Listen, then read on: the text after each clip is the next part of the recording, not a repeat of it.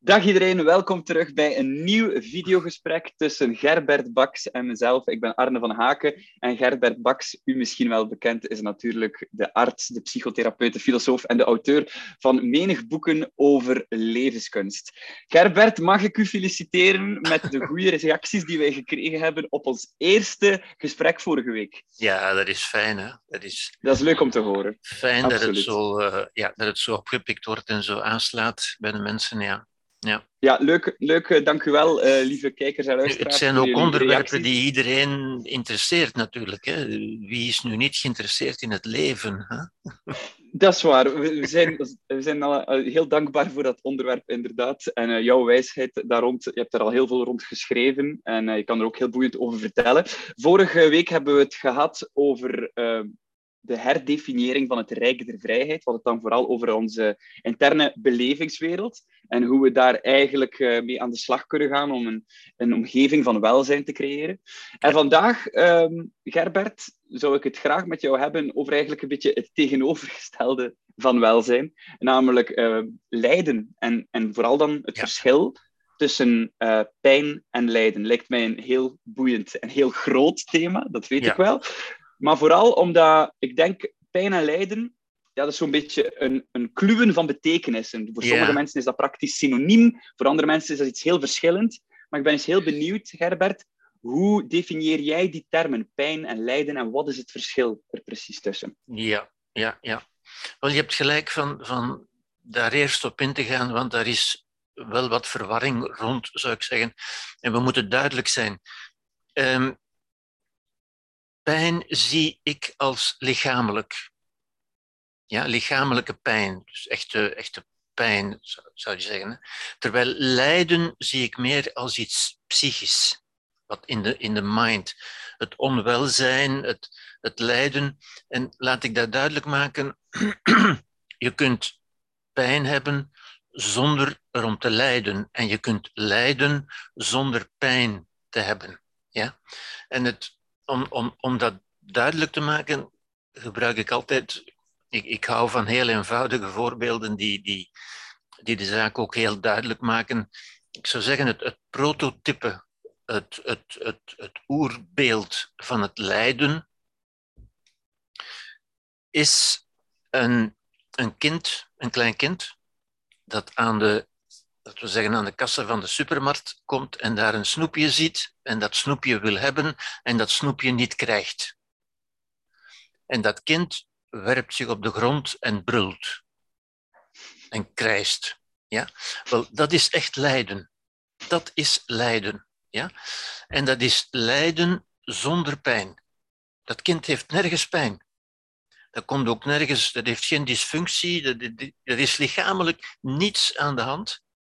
En toch is dat overduidelijk lijden. Ja?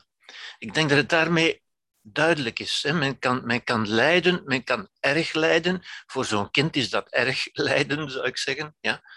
Zonder dat er pijn is. Dus pijn is iets wat gebeurt in het lichaam, is een reactie van het lichaam. Ja? En ook daar moeten we toch even bij stilstaan, want pijn zelfs pijn, die, die iets heel fysieks is, iets heel fysiologisch, wordt ons niet echt aangedaan, natuurlijk. Hè. De pijn die wij ervaren is altijd onze pijn in ons lichaam. Ja?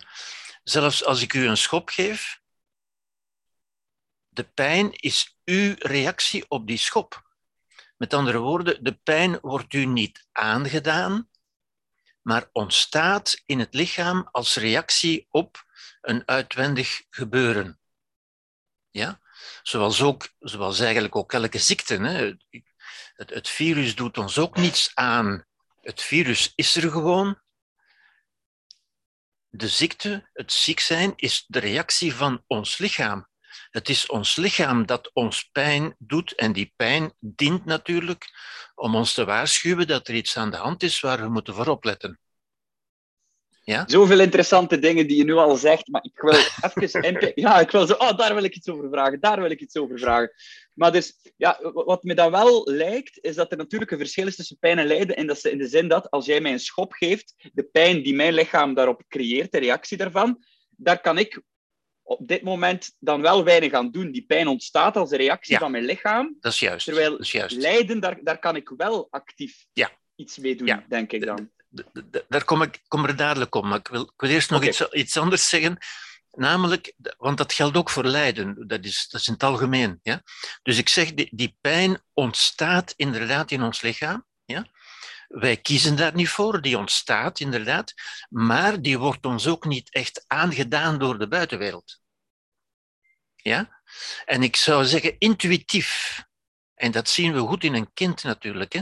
Je, je weet ook, een kind dat, dat ergens tegenaan loopt, dat tegen een tafelrand loopt en zich pijn doet. Een kind zegt, de, pijn, de tafel heeft mij pijn gedaan. Ja? En dat is de intuïtie die ook bij ons aanwezig is.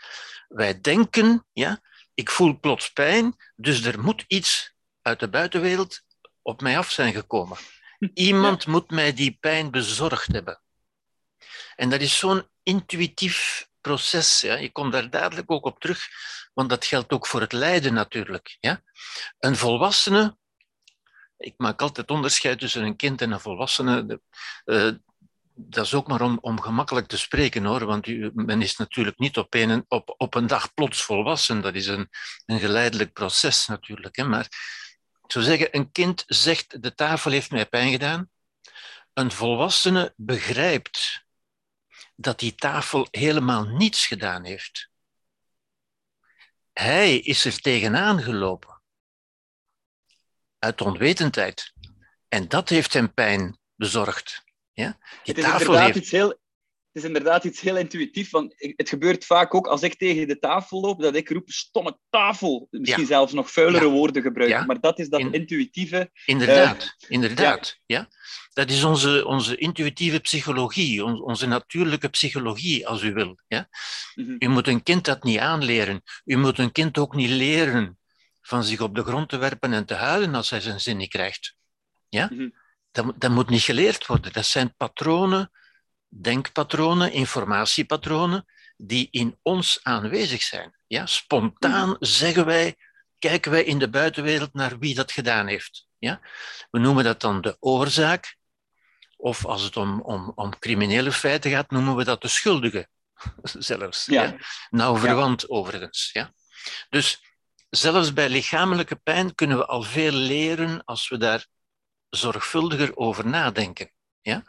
Met name dat de pijn in ons ontstaat. Niets geeft ons die pijn.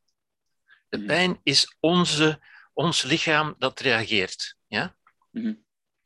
Nu, dat geldt ook voor, voor lijden, zou ik zeggen. Ja? Want als we terugkijken naar dat kind dat zich op de grond werpt, ja? wat is de oorzaak van dat lijden? Want dat is ook onze intuïtie altijd weer. Hè? Van, daar moet toch een oorzaak voor zijn. Nu, als we kijken naar dat kind, dat kind lijdt overduidelijk, hè, daar is geen twijfel over. Dat lijden is ook echt natuurlijk, dat is niet, niet nagedaan of zo, dat is, dat is heel echt. Ja? En toch is daar geen oorzaak voor te vinden. En dat is typisch voor, voor het psychische lijden. Ja? Er is niets, geen enkel lichamelijk proces, er is alleen een psychisch proces, een, een mentaal proces. Ja?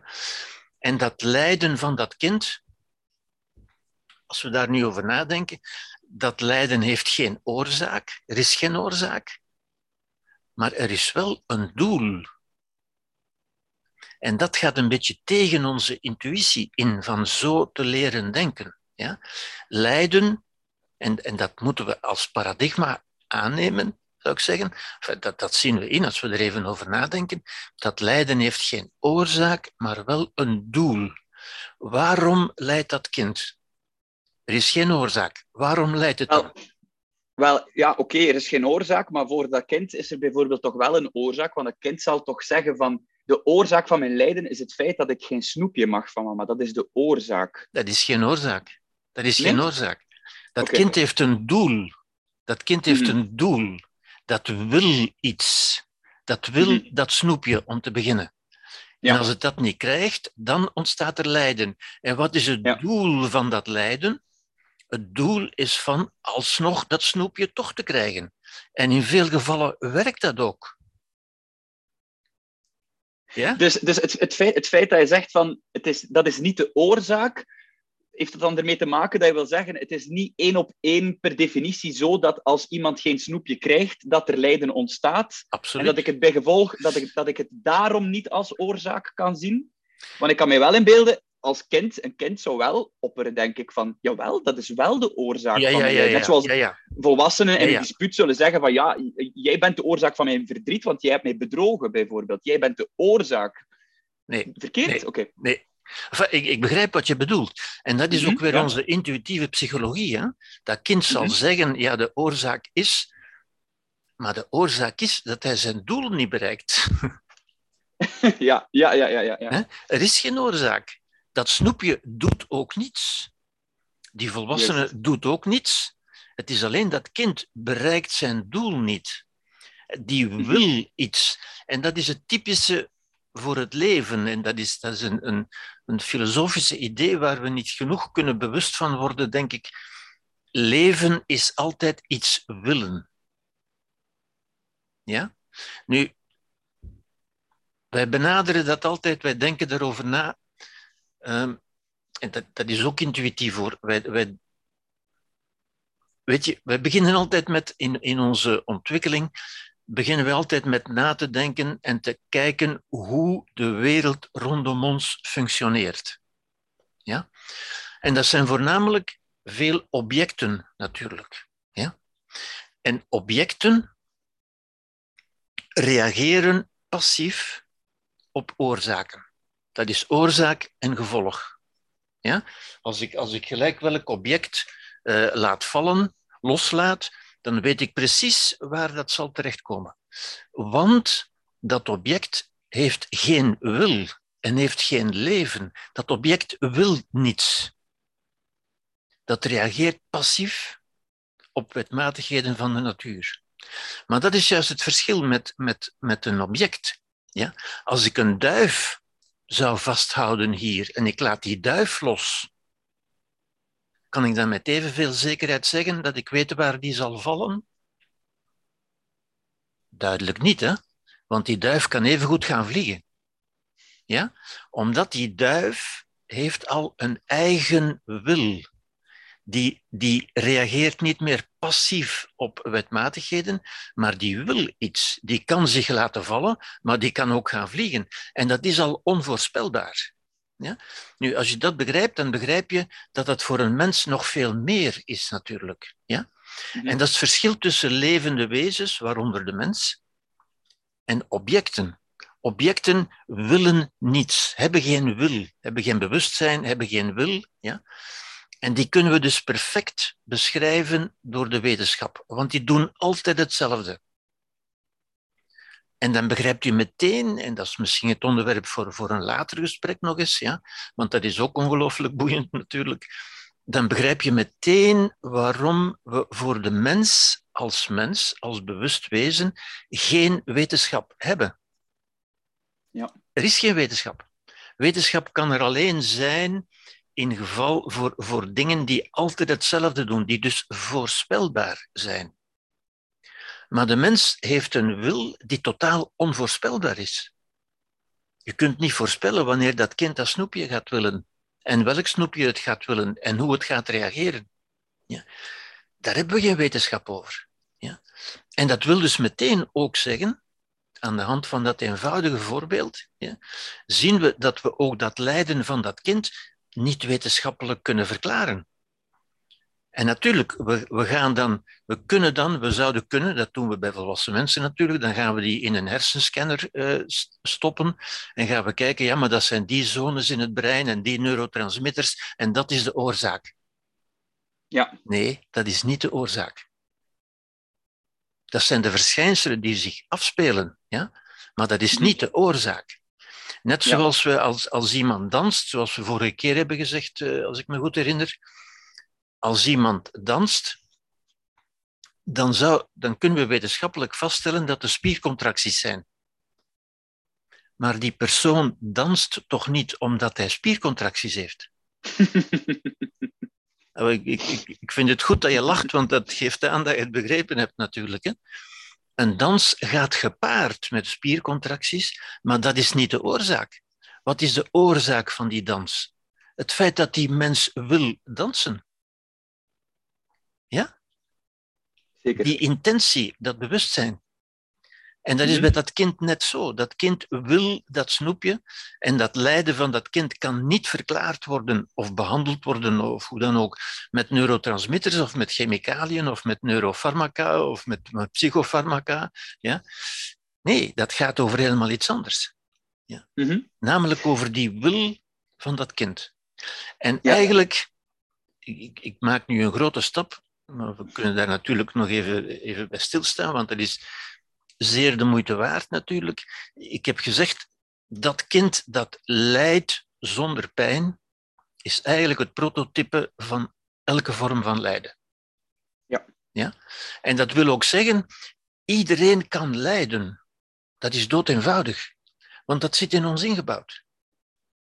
Ja? Dat is onze reactie als we iets niet krijgen dat we zouden willen hebben, of als we iets wel krijgen dat we niet willen hebben. En dat is gewoon een, een automatische reactie, bijna zou je kunnen zeggen. Net zoals pijn een automatische reactie is als je tegen de tafel loopt. Ja? Het verschil is natuurlijk dat een mens, althans een volwassen mens, een kind niet. Ja? Bij een kind blijft het daarbij eigenlijk. Uh, een volwassene heeft een bewustzijn en kan beginnen nadenken over zijn pijn, over zijn lijden, zou ik in dit geval moeten zeggen. Ja? En kan, kan, is niet verplicht, maar kan beseffen dat lijden in feite zijn eigen reactie is op dingen die zich voordoen, omdat hij bepaalde dingen wil en niet krijgt, of omdat hij bepaalde dingen wel krijgt die hij niet wil. Eén van die twee. Ja? Mhm. Maar als je dat begrijpt, als je begrijpt wat lijden eigenlijk is, hoe lijden eigenlijk ontstaat, dan begrijp je ook wat je er zelf kunt aan doen. Dan begrijp je om te beginnen dat niets, maar dan ook niets, ons kan doen lijden. Zoals ik vorige keer ook heb gezegd met, met Nelson Mandela bijvoorbeeld. Hè? Ja? Men kan u van alles aandoen, maar men kan u niet doen lijden. Ja? Maar dan begrijp je ook hoe je uit het lijden, hoe je ermee kunt stoppen uiteindelijk. En dat is wat de Boeddha zo scherp ingezien en uitgelegd heeft. Dat is waar het Ja, boeddhisme want- over gaat. Ja, want Boeddha heeft zijn vier nobele waarheden. Ja, En wat hij dan eigenlijk min of meer zegt, om het even samen te vatten, als ik zo eh, oneerbiedig mag zijn, is dat hij daaruit concludeert van alle lijden is onnodig. Zeker. Dat is, zeker. dat is, dat is, een, scher- dat is een scherpe uitspraak. Hè? Ja. Zo, dat is niet, dat is niet Ja. iets wat hij meteen zegt tegen iemand die net, eh, weer het voorbeeld van de vorige keer, zijn kind verloren heeft. En dan zeg jij van, ja, het is eigenlijk niet nodig hoor. Wel, inderdaad, we hebben het er vorige keer ook over gehad, maar het is een onderwerp dat, dat voortdurend terugkomt bij mensen. Ja? En de Boeddha, inderdaad, de eerste nobele waarheid van de Boeddha is, er is lijden. Ja? En ik zou zeggen, dat sluit aan bij onze intuïtieve psychologie, bij onze natuurlijke psychologie, van op dingen te reageren met lijden. Ja. Maar de Boeddha heeft goed gezien dat het lijden een reactie van ons is. Niet iets dat ons wordt aangedaan, maar hoe wij erop reageren. En als we dat beseffen en die structuur van het lijden, die architectuur bijna, doorkrijgen, dan kunnen we ook zeggen van ik, ik stop daarmee. Ja. Want het is uiteindelijk, het is ja, niet alleen niet nodig, maar het, het, is, het is nutteloos. Het, het is een beetje, de Boeddha zei ook, ik ben blij dat de Boeddha het zei, want hij zei ook, alle lijden komt uit onwetendheid. Ja? Het is de onwetendheid. Het is, de onwetendheid is het niet begrijpen van hoe lijden in elkaar zit, eigenlijk. Hoe wij Dus het begint eigenlijk met dat-. Dus het begint eigenlijk met te weten, inzicht te krijgen van hoe ontstaat lijden. En, Ja. en zoals Se- Seneca ook zegt, eh, het zijn niet de omstandigheden die ons verstoren, maar onze reactie. Juist, juist. En dat, En zie als je, dat inziet, en dat zie je duidelijk aan het voorbeeld van dat kind dat zijn snoepje niet Mhm. krijgt. Ja, Daar ontstaat lijden zonder aanwijsbare oorzaak. Er is niets gebeurd aan dat kind. Mhm. Alleen dat kind heeft iets gewild wat hij niet krijgt. Ja? Dus het komt helemaal uit dat kind eigenlijk. Ja? En in feite, Nu- het, ja, Ehm, ik had dan zo nog een bedenking erbij. Eh, eh, Bestaat er zoiets als slim lijden en dom lijden in die zin dat als dat kind, niet dat hij daar bewust voor kiest, maar dat kind lijdt in reactie van zijn mama die zegt nee, krijg dat snoepje nu niet.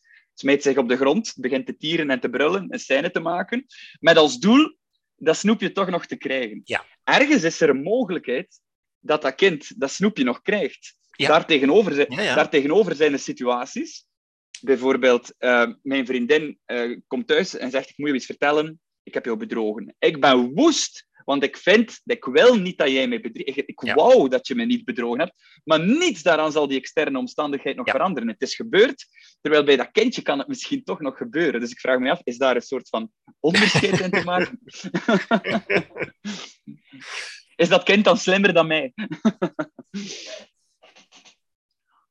nee, dan discussiëren we weer over de woorden natuurlijk. Hè. Maar Uiteraard. je hebt dan goed begrepen natuurlijk dat het lijden, en in feite geldt dat voor elk menselijk gedrag hoor, menselijk gedrag kunnen we niet verklaren vanuit oorzaken en dus ook niet, dat, dat is misschien ook nog eens een ander gesprek ooit, niet uit trauma's uit het verleden of zoiets, of, of wat er gebeurd is. Nee, menselijk gedrag moeten we zien in functie van een doel. Alles wat mensen doen, doen ze met een doel. Ja? Niet vanuit een oorzaak, maar met een doel. Ja?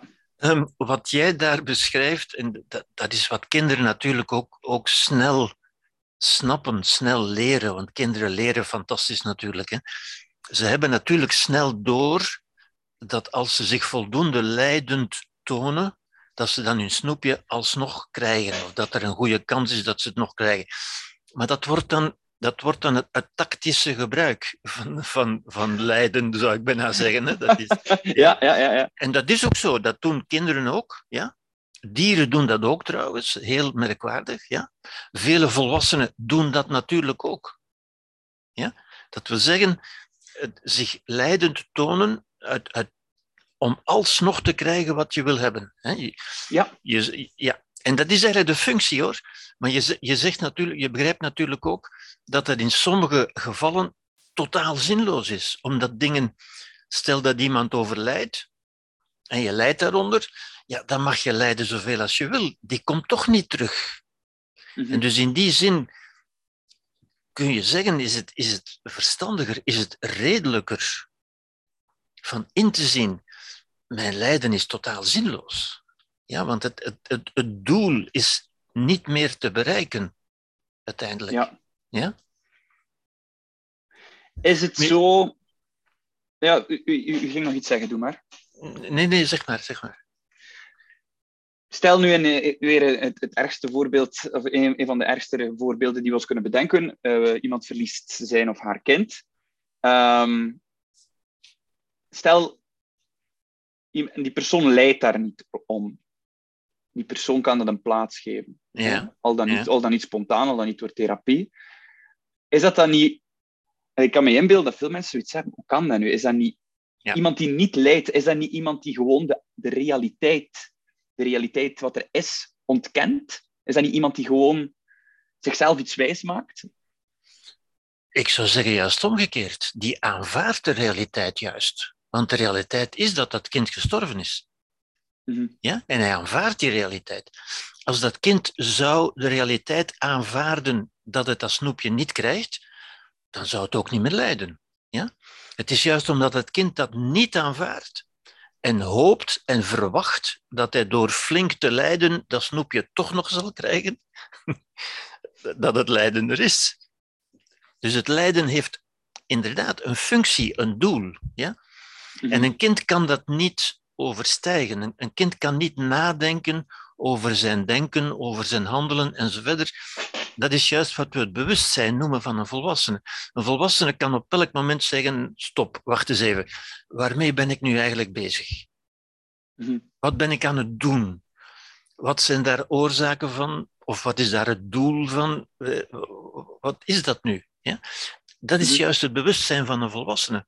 Dat is ook juist filosofie. Filosofie is nadenken over het leven dat men in zichzelf ook aantreft. Ja? Ook in zijn eigen spontane, authentieke reacties. Ja? Zo gezegd authentieke, die, die, die intuïtief zijn, de, de natuurlijke psychologie zou je kunnen zeggen, de intuïtieve psychologie, om te komen tot een meer redelijk gedrag. Ja? Ja. Het is toch, het, het is toch ja, eigenlijk een beetje onbegrijpelijk eh, dat een mens, als, als we het nu zo zien zoals we het nu zien, als een kind nu dat snoepje niet krijgt en, en een week later nog aan het brullen en aan het tieren is, wat zou je dan zeggen?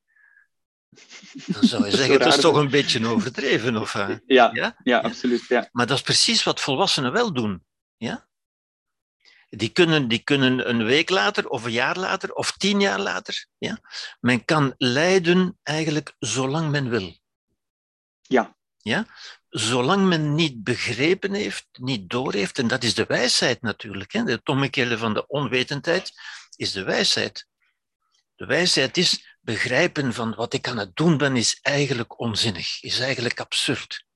Nu, nu, die wijsheid wordt nu ook niet echt gestimuleerd of Dat is gepromoot Dat is in een discours of in, of in een cultuur waar we eigenlijk het niet aanvaarden. We Ja. aanvaarden het eigenlijk het niet aanvaarden van die persoon, Ja. omdat er een soort van narratief bestaat van. Terug hetzelfde voorbeeld: iemand is zijn kind verloren. Ja. Goh, stel dat ik mijn kind zou verliezen, ik zou het nooit, maar dan ook nooit te boven komen. En daar, daar, dat, dat, dat statement wordt dan ook aanvaard. En dat is bijna een gegeven waar je heel makkelijk in meegetrokken wordt. Of in, dus ja, Ja. het wordt ook niet echt gepromoot, die, die wijsheid, om daar dan anders mee dat om te is gaan. waar, dat is juist. Dat is juist. En dat- ja, ik kan het niet anders, ik kan het alleen maar beamen. Die, die wijsheid wordt ons niet meegegeven. Er wordt ons in tegendeel gesuggereerd dat, dat dat lijden iets noodzakelijks is, eh, dat dat iets is wat ons overkomt, waar we niks kunnen aan doen, waar we doorheen moeten, dat zijn tijd nodig heeft, enzovoort enzovoort. Maar er wordt ons geen wijsheid of te weinig wijsheid aangereikt om daarmee om te gaan en om eigenlijk te, te, te doorgronden, te zien wat is eigenlijk dat lijden. Nu, dat lijden zijn gewoon zijn gedachten in mijn bewustzijn. Maar dat wordt dan op zich weer negatief benaderd natuurlijk, want dan zeggen de mensen, ja, maar dan zou het alleen maar tussen mijn oren zitten zeker. Juist. Mhm. En dan zeggen ze, nee, nee, nee, nee, het lijden is echt. Dat wordt mij echt aangedaan en dat hoort erbij en zo verder. Ja. Eigenlijk die, die onwijze levenshouding wordt als de goede, als de menselijke, als de gevoelige, empathische levenshouding eh, gepromoot. En eigenlijk de, de, de echte wijsheid, die, die, die is inderdaad weinig aanwezig, zou ik zeggen. Ja? Is dat iets waar jij in jouw praktijk als psychotherapeut... Ik ben terug heel benieuwd van hoe, hoe maak je die vertaalslag als iemand komt naar jou met een lijden, wat voor die persoon werkelijk lijden is. Die persoon ziet af. Ja. Ja, het lijkt mij niet zo'n makkelijk proces Nee. om die iets te doen inzien van kijk, eigenlijk is lijden iets onnodig. Het lijkt mij iets heel moeilijk om duidelijk te Inderdaad, maken. inderdaad. Eh, Je hebt dat zelf daarnet al gezegd. Je, je kunt dat niet zomaar zeggen tegen mensen die daarin zitten, die daar helemaal in gevangen zitten eigenlijk. Eh, ja. En ja. En van, daarom is het ook belangrijk van, van te begrijpen dat we voor de mens geen wetenschap hebben. Je kunt dat niet wetenschappelijk aanpakken. Je kunt Mhm. niet zeggen, als ik dat doe, dan zal dat het gevolg zijn. Ja? Want die mensen kunnen blijven denken en het zit in hun denken. Het zit, het zit, daarom is het ook psychisch lijden. Psychisch lijden is helemaal in de psyche. Lichamelijk lijden, lichamelijke pijn dus, zit in het lichaam. Dat kun je vaststellen. Een arts kan dat vaststellen, dat is objectief aantoonbaar enzovoort. Dat heeft tijd nodig. En al die begrippen gaan we dan ook gebruiken voor het onwelzijn in de, in de psyche. Ja? Alsof, alsof dat gewond en gekwetst zou zijn. Maar niemand heeft ooit psychische wonden of kwetsuren kunnen zien. Dat, dat, dat bestaat gewoonweg niet.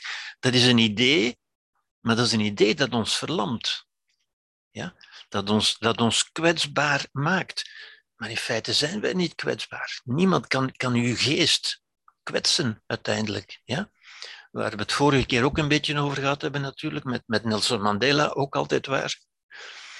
En ja, zo ben ik er ook zelf uiteindelijk achtergekomen, achter die wijsheden die in onze cultuur wel aanwezig zijn, maar een beetje verstopt zijn, zou ik zeggen. Die, die veel meer aanwezig waren in de Grieks-Romeinse humanistische periode bijvoorbeeld. Ja?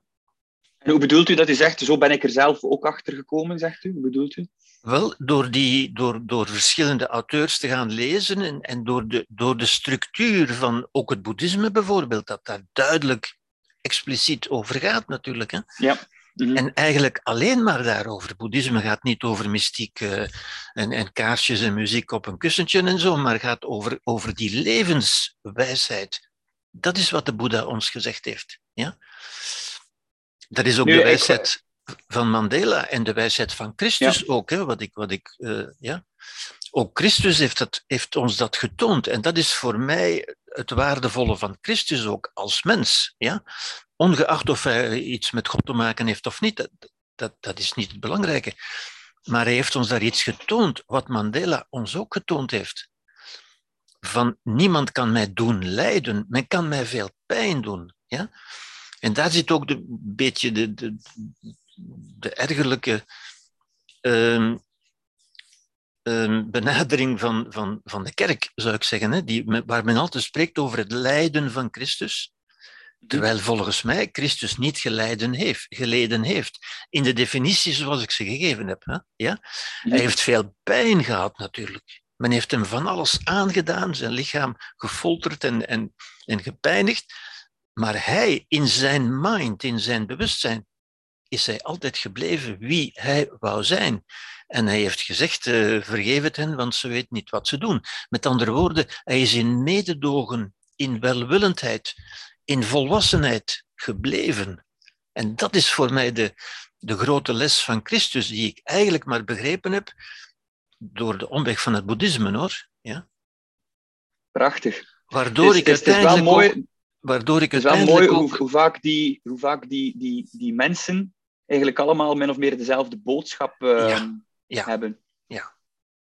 ja. Maar u ging zeggen, uh, uiteindelijk, zei u, sorry, ja, onderbroken. Wel, dat is uiteindelijk, omdat je er mij naar vroeg, dat is uiteindelijk de weg die, die ik zelf voor mezelf ook gevolgd heb. En waardoor ik uiteindelijk, want ik was iemand die, die, die veel leed, uh, zonder goed te weten waarom uiteindelijk, ja. Mm -hmm. Maar uiteindelijk ben ik gaan inzien, dit is gewoon idioot dit is gewoon te dwaas. Ja. Ik zeg soms, ik ben gestopt met lijden zoals ik gestopt ben met roken. Omdat ik mezelf belachelijk begon te vinden. Omdat ik mezelf idioot begon te vinden. ja. Ja, en dat is de enige, enige verklaring die ik voor mezelf ook kan geven hoor.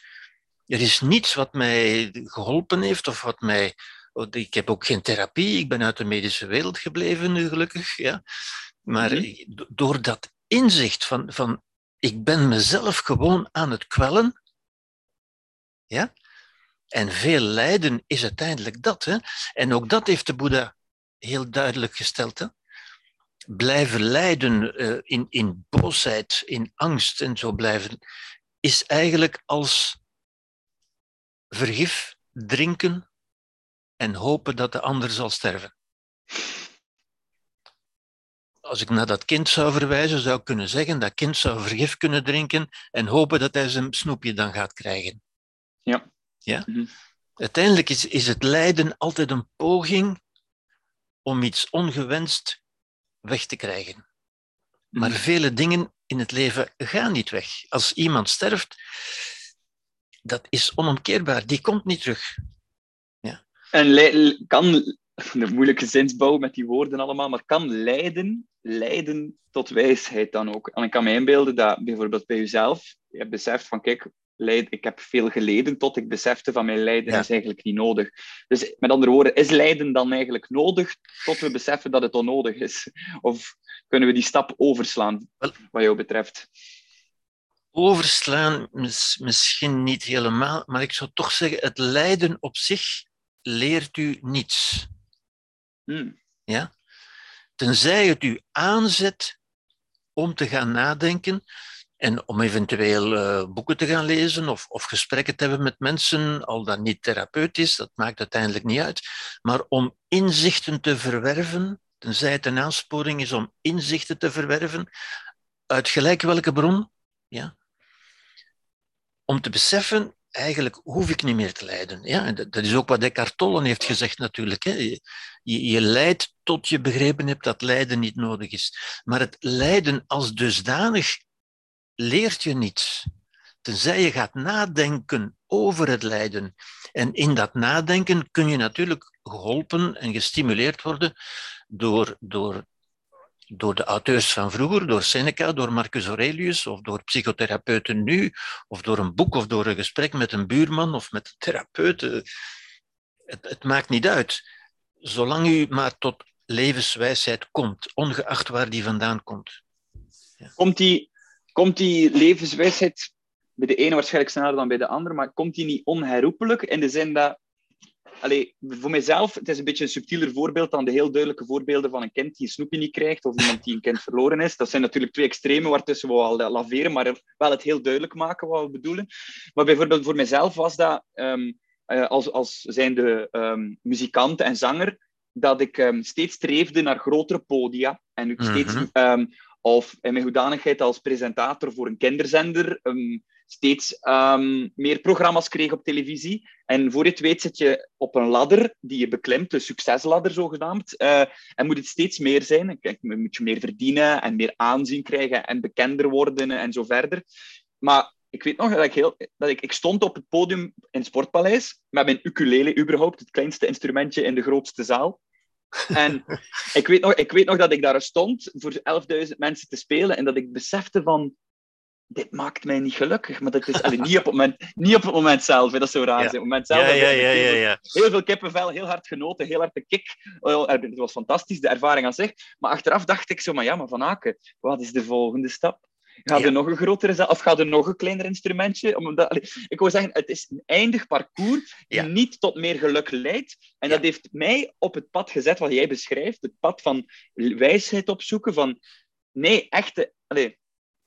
ik vind, een echte held is niet iemand die op een groot podium staat. Een echte held is die van een kop koffie een ongelooflijke gelukservaring kan maken. Ja, en ja, dat was een proces. Dus ik, wil, ik vroeg mij af, is, is niet iedereen op zijn eigen reis onherroepelijk op weg naar dat besef? Wel, ik vind het ongelooflijk mooi wat je nu zegt, want het is een beetje, ik zou zeggen, dat is bijna het spiegelbeeld van wat ik wat mij overkomen is, zou ik zeggen, hoe mijn leven gegaan is. Dus ik, ik, ik was in, in, in Leiden tot ik besefte dat lijden eigenlijk mij niet, mij niet deed lijden. ja? Dat het niet nodig was. Terwijl jij was in, in welzijn, in een stijgende lijn, altijd maar betere en grotere snoepjes. tot je besefte, die snoepjes maken mij niet echt gelukkig. Ja? ja het is eigenlijk hetzelfde. Ja? En de twee zijn elkaar spiegelbeeld. Niets doet je lijden en niets maakt je gelukkig. Ja? En ook dat kan, kan alleen maar op zich is dat ook niet, niet de wijsheid wat je nu beschrijft, maar heeft het je aangezet om wijsheid te gaan zoeken. Ja. Ja, in die zin. Maar op zich heeft dat je niet tot wijsheid gebracht. En ik denk dat vele mensen niet tot wijsheid komen hoor. Ja? Maar zeker in onze tijd nu, waar mensen met hun, met hun onwelzijn waar men onwelzijn niet meer ziet als een, een stimulans, een aanleiding om wijsheid te gaan zoeken, maar wel mhm. om zogezegd hulp te gaan zoeken bij een therapeut die dat dan moet wegnemen. Ja. Die het onwelzijn moet wegnemen. Men gaat niet meer zoeken, en, en ook dat is iets van wijsheid natuurlijk, hè, men gaat niet meer zoeken hoe kan ik daar iets anders mee doen, waar kan ik de wijsheid vinden waarmee ik iets anders kan doen, maar men gaat zoeken naar wie kan dat voor mij doen. Ja. Ja? Als het enigszins kan met een pilletje, maar anders dan maar met therapie, maar wie, wat, wie of wat kan dat voor mij oplossen? Wie kan mijn lijden wegnemen? Ja, misschien is dat nog een leuk ding om even aan te halen. leuk, uh, een heel interessant ding om aan te halen, namelijk um, wederom de kracht van taal. We kunnen ons bevrijden door taal, de scheppende kracht van taal, waar we het vorige week ook over gehad hebben. Maar we kunnen ook heel hard gevangen zijn door taal. Absoluut. Namelijk, uitspraken zoals pijn lijden, dat maakt al dat we die dingen um, uh, kluwen van betekenissen. Maar ook dingen zoals je zegt, kwetsuren. Ik ben gekwetst door absoluut, een persoon, absoluut. wonden. Ja. Um, het, de, de, de constante verwarring tussen het medisch jargon uh, van Ja. iemand genezen, Ja. um, van, psychisch lijden en zo. Ja, kunnen we het daar even nog, nog, nog over hebben? Van het, de taal, het effect van taal op, op ons, hoe we kijken naar lijden. Ja, ja. Dat is wat ik, als ik, als ik dat meer heel algemeen zou willen zeggen, ik heb het er net al even naar verwezen. Wij gebruiken, en dat is, dat is, dat is intuïtief hoor, dat is ook niet, niet zo bedacht. Wij gebruiken heel vaak, of heel vaak, nee, altijd, bijna altijd, de taal van de dingen, de taal van de objecten, de taal van de wetenschap dus, proberen we altijd toe te passen op de mens. Ja?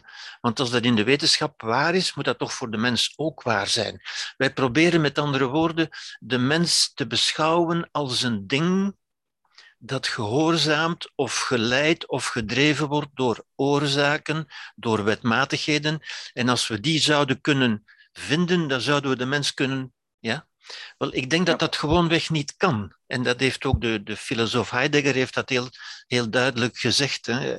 Hij zegt, je kunt de mens niet begrijpen met de logica van de dingen.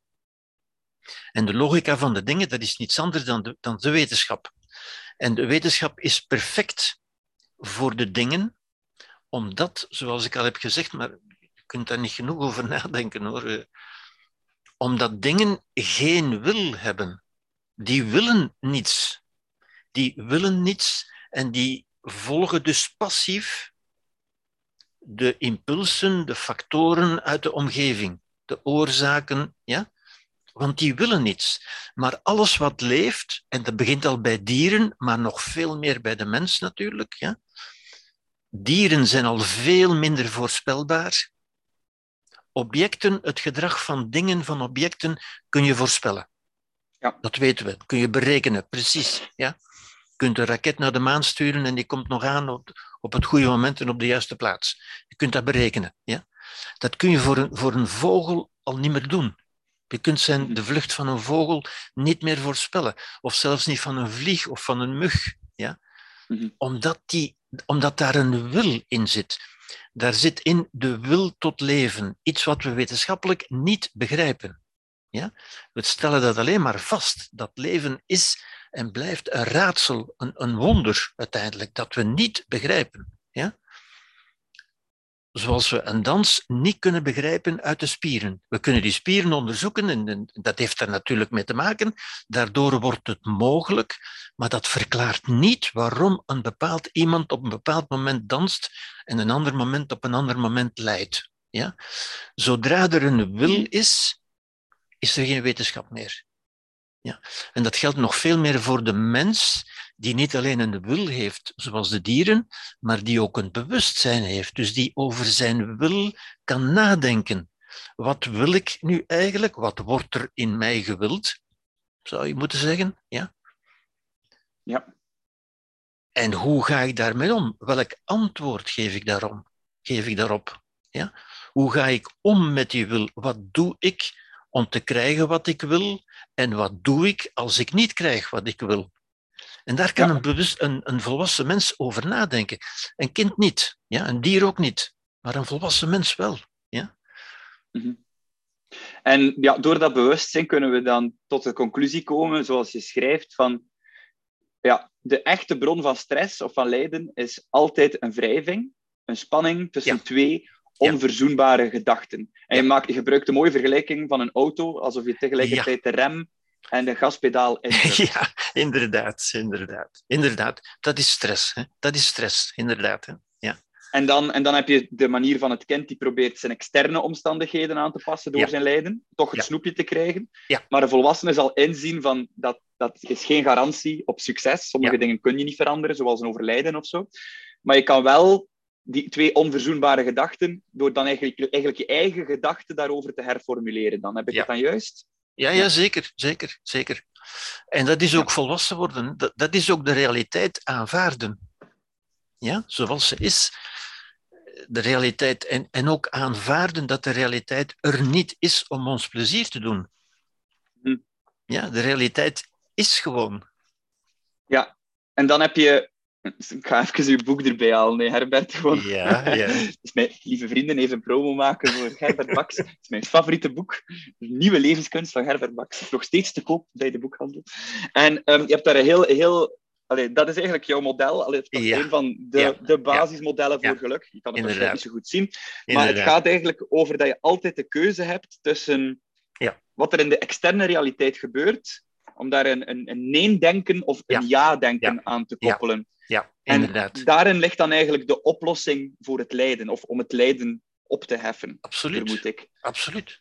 Kan je daar nog even over babbelen, bij het voorbeeld bijvoorbeeld van het, het, eh, een jonge ouder eh, heeft zijn of haar kind verloren. Hoe, daar, waarin zit het nee-denken en wat zou bijvoorbeeld een ja-denken kunnen zijn voor zo'n extreem Wel, dat, voorbeeld? is, dat is interessant wat je nu zegt. Want, want het is natuurlijk zo'n veel voorkomend eh, voorbeeld. Ja.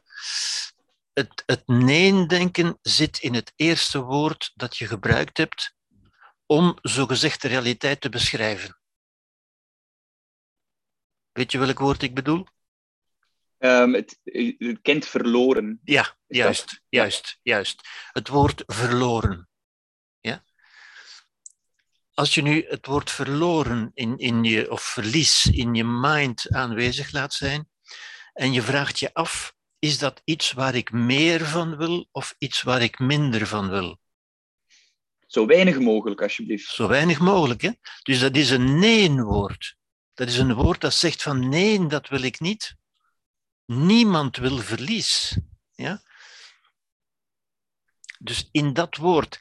En dat woord, dat komt in ons op.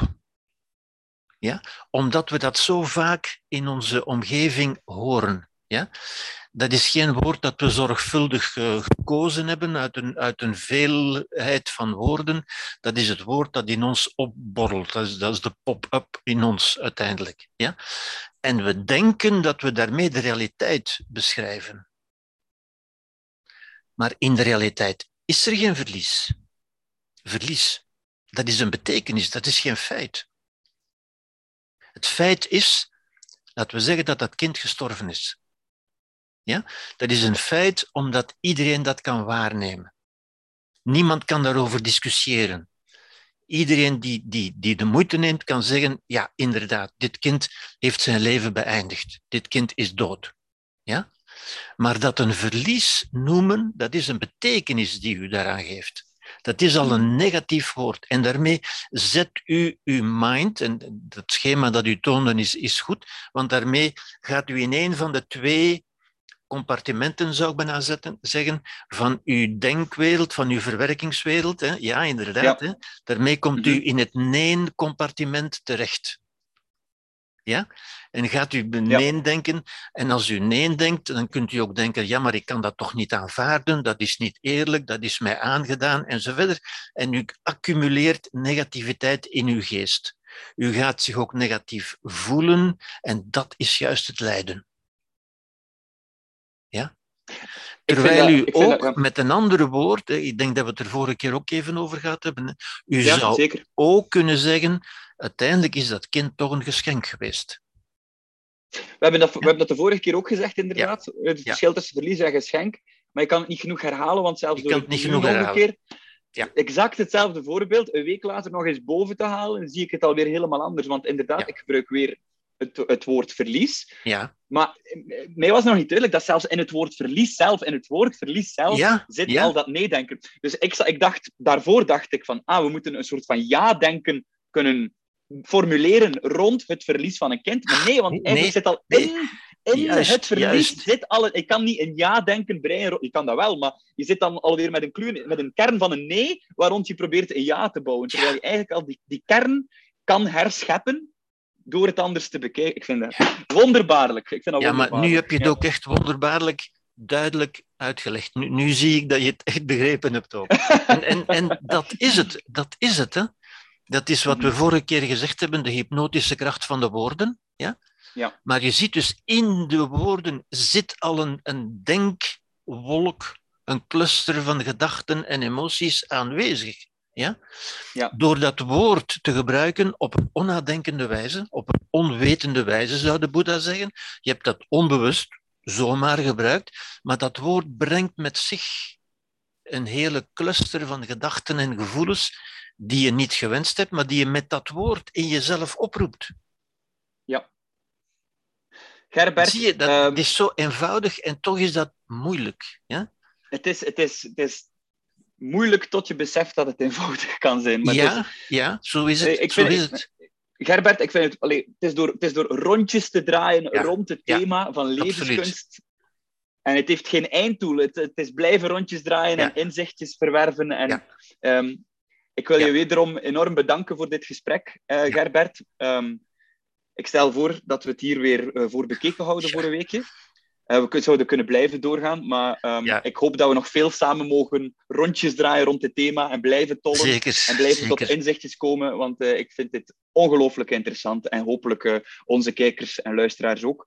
Eh, we willen iedereen aanmoedigen, geef eh, jullie reactie onder de video. Iets waar je akkoord mee was, iets wat je niet goed begrijpt of wat je tegen de borst stoot. Eh, ook voorstellen voor volgende gesprekken, als jullie thema's hebben of vragen hebben. We nemen het zeker mee in onze volgende gesprekken. En tot slot wil ik je nog maar eens bedanken, Gerbert, om hiervoor de tijd te nemen. Ik vond het wederom een geschenk. Dank u wel. Ik vond het ook een geschenk, Arne. Dank je wel voor je stimulerende vragen en voor je enthousiasme om dit te blijven doen. Heel graag gedaan. Dan zien we elkaar eh, hopelijk volgende week opnieuw. Tot volgende week. Tot dan.